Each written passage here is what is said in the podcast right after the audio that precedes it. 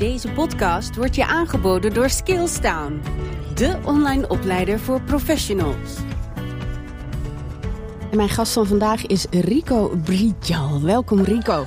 Hi, goeiedag. Wat fijn dat je even tijd hebt genomen om te gast te zijn in de podcast. Jij runt op dit moment meerdere bedrijven. Kun je er iets over vertellen? Ja, ik ben sinds 2010 aan het ondernemen. Een van mijn ondernemingen is een risicomanagementorganisatie. Echter, omdat ik vond dat het uh, alleen maar negativiteit uh, behelste, wilde ik daar ook wat anders naast plaatsen. Toen heb ik 2016 heb ik een softwareontwikkelingsbedrijf opgezet. Wat het mogelijk maakt om koffers bij de voordeur in te checken. En 2018 ben ik mijn echte passie gaan volgen. En dat is het ontwikkelen van mensen en teams in hun prestaties. En dat doe ik nu met veel uh, plezier en daar gaat eigenlijk al mijn tijd naartoe. Ja, super tof. En is het dan ook zo dat je voor ieder bedrijf dat je hebt opgezet een heel apart plan hebt opgezet voor personal branding, omdat het zulke verschillende bedrijven zijn? Ja, het risicomanagementbedrijf is dat meer om gewoon vertrouwen uh, uh, te wekken. Dus uh, het gaat altijd over persoonlijke omstandigheden. Het gaat heel veel over persoonsgebonden risico's. Dus je komt echt bij mensen aan de keukentafel die in paniek zijn.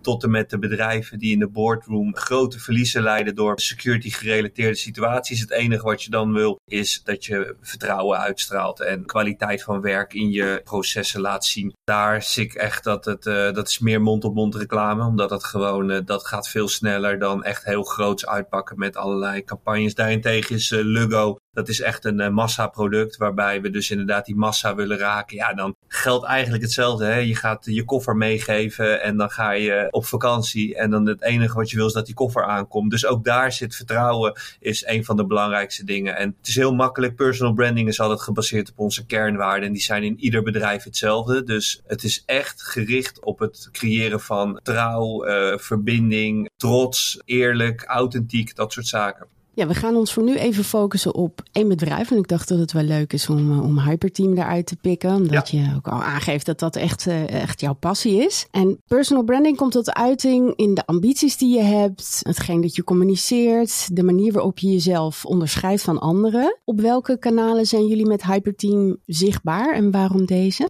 We zijn in mainstream media zichtbaar, dus uh, echt op landelijke televisie. Gewoon omdat je daarmee een stukje massa raakt. Ik weet niet of het heel effectief is overigens hoor. Maar ik, ik denk wel dat het goed is om in de perceptie van autoriteit zijn, dat je daar een, een positie claimt. Wij zijn actief natuurlijk op onze socials, waarbij we bij LinkedIn echt richten op bedrijfsteams en gewoon teams in het algemeen.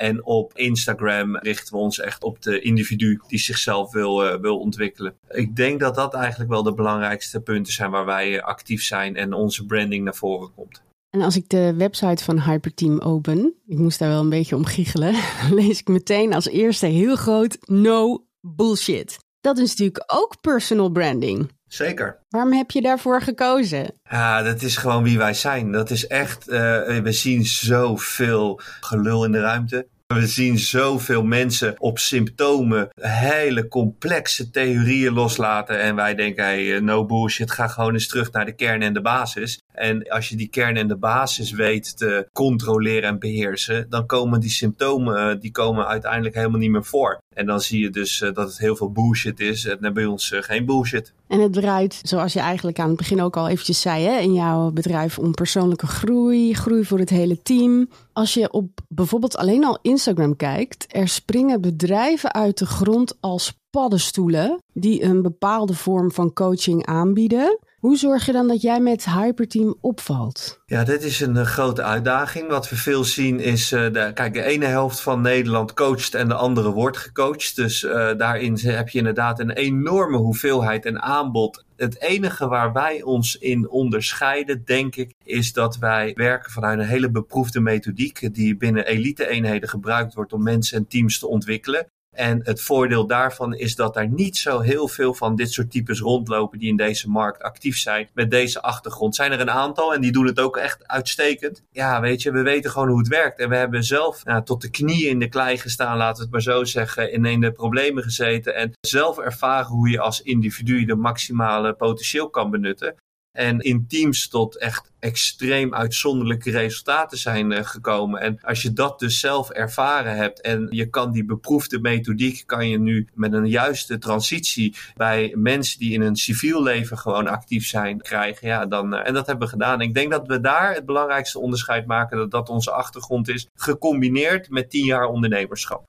Dus het is ook een stukje ervaring. Het is denk ik alleen maar ervaring. Ik denk dat coaching, uh, hè, veel mensen starten coaching uh, omdat ze zelf een uitdaging of issue hebben. Vanuit die issue komen ze erachter dat er allerlei technieken zijn die hen kunnen helpen. En dan krijg je ook vaak dat mensen andere mensen willen gaan helpen. En ik denk dat wij al vanaf dag één geboren zijn om mensen te beschermen. Dat is ook echt in ons beroep naar voren gekomen. En ik denk dat we toen we erachter kwamen welke waarden wij eigenlijk in ons hoofd hadden over het ontwikkelen van mensen in het algemeen. Ja, dan kom je erachter dat gewoon heel veel mensen dat niet hebben. En dus ervaring is in deze echt wel cruciaal. Ja. Je hebt een heel bijzonder verhaal hoe je ja, geworden bent wie je nu bent, als ik het zo mag zeggen. Zou je daar een klein stukje over willen delen? Ja, zeker. Ik ben uh, in 1997 begonnen bij uh, de Koninklijke Marché. Daarvoor heb ik gepoogd om op het hoogste niveau uh, voetbal te bereiken. Dat heb ik in de jeugd mogen ervaren. Alleen helaas kwam ik erachter dat mijn talent niet toereikend was. Dus daar werd ik weggestuurd. grote deceptie. Hoe oud was je toen? 17 toen ik weg, werd weggestuurd. Oh, dat is wel heftig ja. op die leeftijd. Ja, is pijnlijk is dat. Het is, ja, ik kan me dat nog goed herinneren. De andere kant is dat ja, je, je wereld stort in en dan moet je weer verder. En ik denk dat het topsportmentaliteit me wel heeft gebracht dat uh, ja, verder gaan, dat dat gewoon een, een eis, een, een, een must was. En uh, toen ik ging uh, zoeken naar wat wil ik dan, toen kwam ik erachter dat ik eigenlijk op zoek was naar het hoogst haalbare niveau van wat dan ook kreeg ik een folder in mijn handen gedrukt van, uh, van de Marche. En daar zag ik een antiterreureenheid in een, uh, in een, in een 2 bij 2 inlegje. Zag ik die en toen dacht ik van dit is het, dan ga ik dat doen. En uh, toen ben ik naar Defensie gegaan, 1997. Eerst gewoon reguliere opleiding en daarna die eliteopleiding gedaan in 99 begonnen. En daar heb ik uiteindelijk elf jaar in dat hoogste geweldsdomein heb ik mogen werken als teamlid, teamleider. Als dat geen ervaring is om ja, mee te nemen in de rest van je leven, dan weet ik het niet meer. Personal branding is natuurlijk persoonlijk. Het, is, het, het woord zegt het al. Maar hoe belangrijk denk jij dat het is om in je personal branding, dus in je communicatie naar buiten, persoonlijk te zijn? Als je het zakelijk gaat bekijken, hangt het een beetje af van het uh, bedrijf wat je bent. Hè. Kan je voorstellen dat als je nu uh, denkt aan een uh, automerk als Audi bijvoorbeeld, dat is niet meer persoonlijk. Hè. Daar, daar ken je de directeur misschien niet eens van. Of ik denk dat bedrijven die vanuit een bepaalde mate van vertrouwen handelen, bedrijven die diensten leveren in plaats van alleen maar producten. Ik denk dat personal branding dan cruciaal is om, om positie te kunnen krijgen in zo'n wereld. En ik denk dat je verbinding maakt op persoonlijk niveau. Dat je daar vandaan dus successen kan gaan bouwen. Als we even teruggaan naar het begin van Hyperteam. Wist jij toen al direct wat jouw personal branding was en hoe jij dat in de markt ging zetten? Nee, helemaal niet. Laat ik vooropstellen, toen ik in 2010 begon te ondernemen, uh, ik droeg mijn bivakmuts nog. Hè? Dat zeggen we heel vaak, want ik heb jarenlang in de anonimiteit gewerkt, in de schaduwen en in de nacht. En uh, we droegen vaak van die bivakmutsen. Die heb ik gewoon opgehad in het begin. Dus wij bouwden een bedrijf. En we lieten niks zien als grijs en zwart en, uh, en donker en allemaal donkere kleuren dat is ergens in 2013 zo'n beetje veranderd. Toen we een aantal doelen hadden gesteld. En dat was een van die doelen is autoriteit worden op landelijke televisie. Ja, dan, dan moet die muts af. En ik denk dat toen ik Hyperteam begon, wist ik wel al iets beter wat ik, wat ik wilde en wat ik moest doen om uh, mezelf persoonlijk neer te zetten. Maar ik denk dat het nog steeds een ongoing uh, zoektocht is naar wat is het beste. Ik denk dat er geen goed of slecht is. Ik denk dat je, als je authentiek bent, dat je daar het verste mee komt. En dan accepteer je ook het aantal volgers. Of vind dat eigenlijk vind ik het helemaal niet relevant. Personal branding is voor mij echt iets waar ik elke dag mee bezig ben. Naar mijn kinderen, naar mijn collega's, naar mijn, uh, mijn zakenpartners, klanten. Het is wie je bent. Ja. Hoe zorg je ervoor dat je een beetje up-to-date blijft met betrekking tot alle veranderingen in de media? Eén, ik laat me een stuk beter informeren. Mijn aannames op het gebied van social media en dergelijke, die zijn zeker niet altijd juist. Door mensen om me heen te verzamelen die daar andere kijk op hebben, een andere generatie zijn, meer verstand van hebben, omdat ze ervoor aan het leren zijn en ervaringen opdoen. Ja, ik luister daar soms gewoon uh, of vaak naar. En dan denk ik van. soms of vaak? Nou ja, dat is, ja je hebt gelijk. ik moet echt soms wel eens wat van mezelf opzij zetten. Hè? En dan bedoel ik mee dat ik, uh, ik ben niet iemand die heel graag elke dag op socials verschijnt, omdat ik, uh, dat vind ik eigenlijk bullshit. Maar het probleem is dat daar wel onze cliëntelen zitten. Dus soms uh, luister ik daar dan naar, uh, en soms ook niet. Uh, en ik denk dat we de, de strategie met name, daar luister ik altijd naar. Omdat het zijn gewoon het zijn slimme mensen. En ik denk als je zelf ergens geen verstand van hebt, dan moet je het vertrouwen hebben in mensen dat die er wel verstand van hebben. Ja.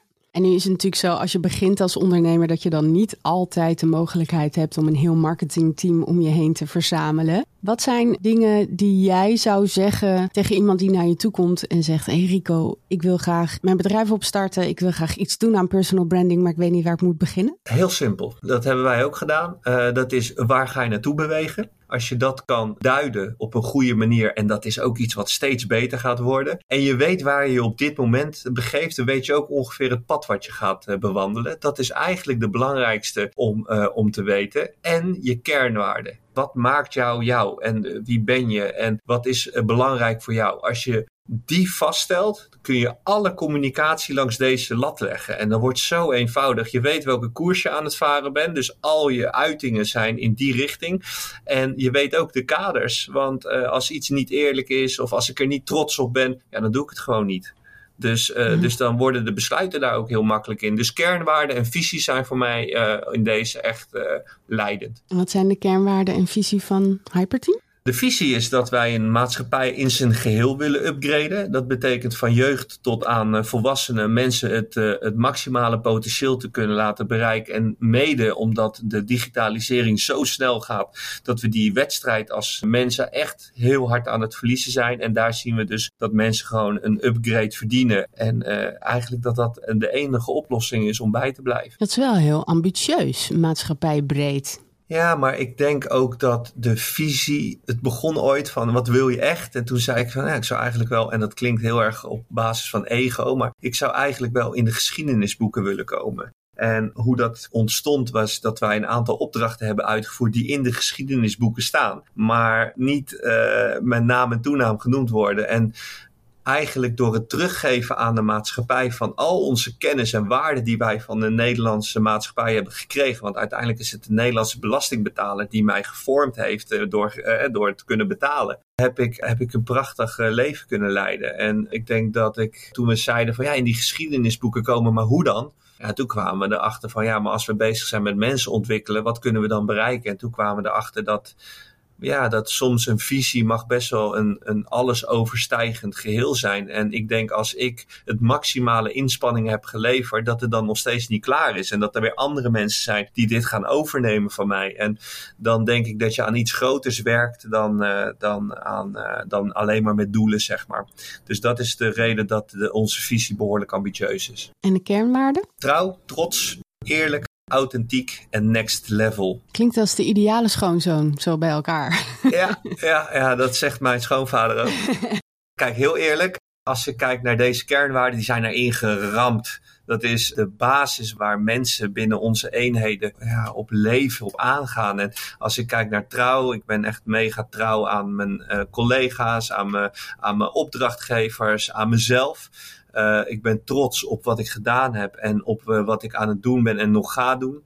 Uh, ik ben eerlijk en dat is ook meteen no bullshit. Ja, hey, ik ben gewoon eerlijk. Als het slecht is, is het slecht en dan krijg je dat te horen. En als het goed is, is het goed, dan krijg je dat ook te horen authentiek is dat ik gewoon weiger om een, uh, een spelletje te spelen. Ik ben wie ik ben en uh, ik zie eruit zoals ik eruit zie. En uh, ik krijg wel binnenkort trouwens een, een leesbril, dus dat vind ik dan wel een beetje vervelend. Oh, ik voel je. Ik heb hem ook sinds een maand of twee. Oh, oh We worden ik moet oud. er nog heel even aan wennen. Dus, maar goed, hoort er ook bij. En, yep. en next level. Ik ben altijd en dat is met alles wat ik doe op zoek naar de verbeterde versie. En dat klinkt heel dwangmatig. Dat is het niet Ik merk gewoon dat altijd mijn verbeterslag zoeken zorgt ervoor dat ik heel makkelijk met fouten om kan gaan. Uh, ik reflecteer terug en dan denk ik, ja, dat heb ik niet goed gedaan. Ik had dat beter op die en die manier kunnen bereiken. En dan uh, daarmee een, uh, een, een, een, nieuw resultaat of een ander resultaat zien te bereiken. Dus ik kies ervoor om een fout nooit twee keer te maken. Word je dan nooit eens een keertje moe van jezelf? Dat je altijd bezig bent met next level. Word ik moe van mezelf? Als ik moe word van mezelf, ga ik op vakantie. ja. Lekker. Ja, dan ga ik op vakantie en dan ga ik even helemaal niks doen aan mezelf. En dan ga ik alleen maar lekker een drankje doen, lekker lunchen. Ik ga lekker eten, ik ga lekker op het strand liggen. En dan kan ik ook echt eventjes uitstaan. Het enige wat ik dan wel blijf doen is sporten. Maar dan kan ik dat ook op een, op een heel ander niveau doen dan dat ik dat dagelijks doe. Ja, ik, ik ben gewoon gewend om zo te leven. Soms denken mensen dat je een overnight succes bent. Nou, dat is helemaal niet waar, want ik heb al 21 jaar lopen ploeteren en fouten gemaakt. En echt hele domme fouten ook. En uh, uh, ik heb me slecht gevoeld en vermoeid en weet ik veel wat. Ik heb in 2018 een hartaanval gehad. Dus allemaal van die dingen die niet heel positief zijn in mijn leven. Maar ik heb geen seconde het gevoel dat ik een negatief leven heb geleid. En dat komt wel door deze houding. Ja, wauw. Dat is wel heel bijzonder. Als je kijkt naar de komende vijf jaar, waar wil je dan naartoe met Hyperteam? Uh, komende vijf jaar, dan hebben wij een uh, centrum waar we top-notch mensen aan het ontwikkelen zijn. Dan praat ik over een centrum waar we fysieke activiteiten met mensen kunnen doen en waar mensen dus echt wel flink aan de bak kunnen met sport. Maar waar we ook mindfulness, uh, yoga, visualisaties, maar ook echt top-notch. Ik wil echt een centrum hebben waar zelfs de leermiddelen next level zijn in een omgeving waar we bos hebben, waar alles, alles ademt om een upgrade van jezelf te voor zorgen. Vijf jaar even nadenken. Nou, volgens mij zitten we dan ook al op een, op een tweede locatie, ergens in Europa. Dus dat is dan, uh, dat is dan het, het, het, het grotere doel. Nice. Nou, ik help je hopen dat het allemaal gaat lukken. Ja, gaat lukken. Ja, het gaat sowieso lukken. ik twijfel daar ook geen seconde aan. ik ken je nu een klein beetje. De laatste vraag alweer. Wat, wat zijn voor jou inspirerende accounts om te volgen? Ja, dat zijn uh, uh, verschillende eigenlijk. Maar eigenlijk is degene waar ik nu het meest in geïnteresseerd ben geraakt, is Steven Kotler. Een hele inspirerende man. Hij heeft zelf een, uh, door ziekte van Lyme heeft hij voor mensen die dat hebben is het heel naar. Maar hij heeft een fantastisch verhaal hoe hij daar als mens mee om is gegaan. Zeker op het moment dat je met tegenslagen te maken hebt, dan is dit een mens waar je gewoon echt veel van kan leren. En wat hij onderzoekt is hoe je in uh, flow states kan komen. Hoe kan je nou zorgen dat je de juiste mate van aandacht voor een, een, een handeling of voor een actie kan uh, oproepen, waardoor je op hersengolfniveau in de meest ultieme versie van de mens kan komen. En dat is waar ik heel erg in geïnteresseerd ben. Ik werk met topsporters, met mensen uit het uh, bedrijfsleven. En ik kan ze door deze technieken toe te passen, kan ik deze mensen naar een nieuw level brengen. En dat is echt controle en grip krijgen over je brein. Super gaaf. Ik ga daarop aan in ieder geval. Helemaal goed. Heel erg bedankt voor de tip. En überhaupt, dankjewel voor je tijd. Want ik weet dat je hartstikke druk bent. Graag gedaan. Super bedankt. Fijn dat je er even de tijd voor hebt willen nemen. En dat je weer zo uh, open en eerlijk hebt gedeeld over jouw leven en jouw bedrijf. Graag gedaan. En jullie ook bedankt voor het luisteren. Heel graag bedankt. En heel graag bedankt. Zei ik dat? ja, hè? Heel erg bedankt. heel erg bedankt. Bijna one taker. nou, heel graag bedankt, Rico.